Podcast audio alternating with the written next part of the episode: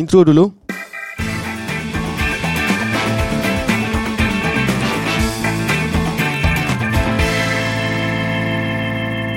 Okay guys, uh, saya Aziz Walter, saya adalah pengasas kepada jenama Walter. Saya adalah budak Stenggan yang bangkit membina perniagaan daripada jalanan. So saya adalah seorang salesman dulu menjual direct selling sebelum saya membina pasukan saya kemudian membina 30 rangkaian kedai gunting rambut, membina pusat kemahiran Walter College dan uh, ratusan tim jualan Walter Trading online dan offline. Beri tepukan untuk Azri Walter guys.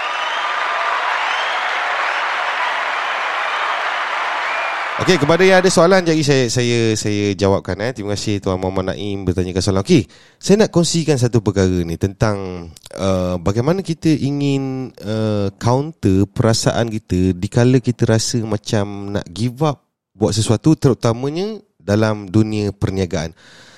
So, um, secara uh, jujurnya semua orang kan semua orang buat bisnes sebab untuk make money betul tak uh, tak kisahlah dia kata nak tolong orang ke apa dan sebagainya saya yakin kita hanya boleh tolong orang bila dah ada cash flow lah so dan first kali semua orang nak buat bisnes first untuk diri dia lah kan dia sendiri ada matlamat peribadi dia berapa banyak income peribadi yang dia nak buat katakanlah Okey, katakanlah seorang katakanlah saya ni dulu kerja kerajaan kan. Saya memang kerja kerajaan dan saya berhenti kerja kerajaan dan saya buat bisnes.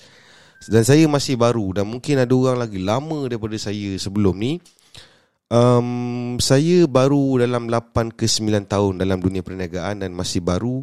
Namun alhamdulillah saya banyak pengalaman jatuh bangun yang mana saya boleh kongsikan macam mana saya counter perasaan saya dikala saya rasa nak give up, dikala saya rasa nak down, dikala ada business yang collapse. Okay guys, dia macam ni. Uh, katakanlah uh, seseorang tu dia ada uh, impian untuk buat pendapatan peribadi bersih 100 ribu sebulan. Okay, katakanlah. Sebelum tu dia kerja. Katakanlah dia kerja, katakanlah macam saya kerani kan.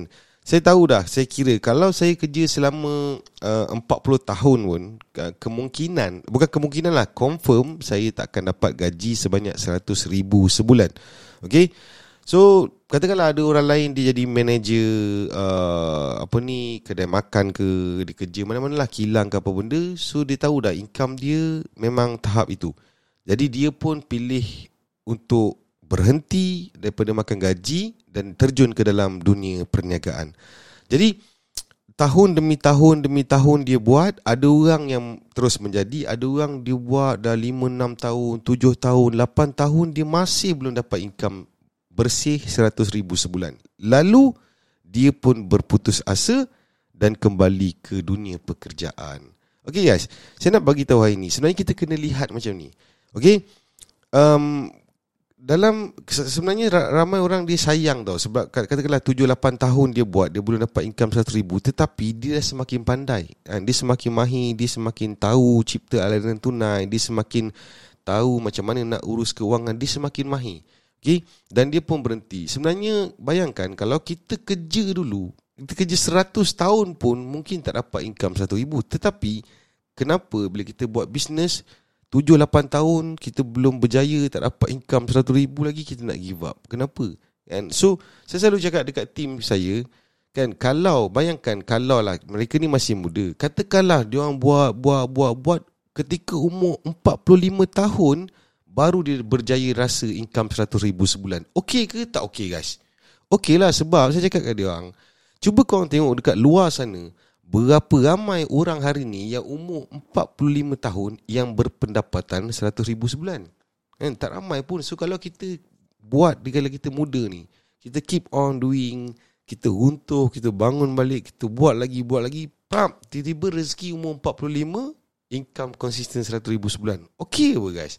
Okay? So itulah antara uh, antara uh, cara macam mana kita nak counter perasaan kita macam mana kita nak kembali positifkan minda kita bahawa at least kita buat ni kita ada peluang sebab bila buat bisnes satu adalah pendapatan kita tidak ada limit kan based on kita punya strategi based on kita punya sale based on kita punya kesungguhan kerajinan dan tak putus asa based on itu kan? Tapi kalau kita kerja Kenaikan pangkat kita Base kepada Ada pos kosong tak kan? Dari segi kenaikan pangkat kita Bergantung kepada um, Kenaikan tahunan. So 20 uh, tahun 30 tahun pun Kemungkinan kita tak dapat peluang macam tu. Tapi dalam dunia perniagaan Bila 6-7 tahun Kita dah give up. So itulah sesuatu yang Boleh difikirkan Untuk semua orang Bagaimana Kan? Kalau ramai kadang-kadang Tim saya kan Budak-budak muda dia tengah belajar jual tepi jalan ni. Buat belajar jual tepi jalan Belajar jual online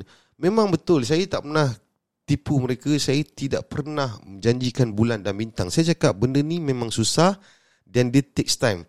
Dan bila dia buat 3-4 tahun Sebenarnya dia lupa bahawa Ketika hari pertama dia datang Lu dari zero Dia dah 3-4 tahun Dia ada banyak ilmu.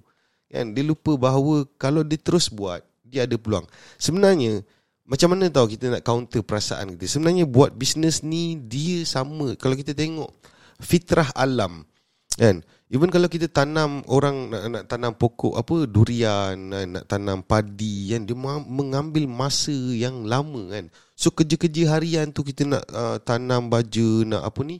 Orang cakap nak bagi apa uh, kerbau lalu tu nak nak siram pokok durian semua tu adalah kerja-kerja macam kita buat bisnes. Kita jumpa orang tu jumpa orang ni kita silap sini ada yang layu dan hasil dia adalah ketika harvest nanti ketika musim menuai nantilah hasil dia.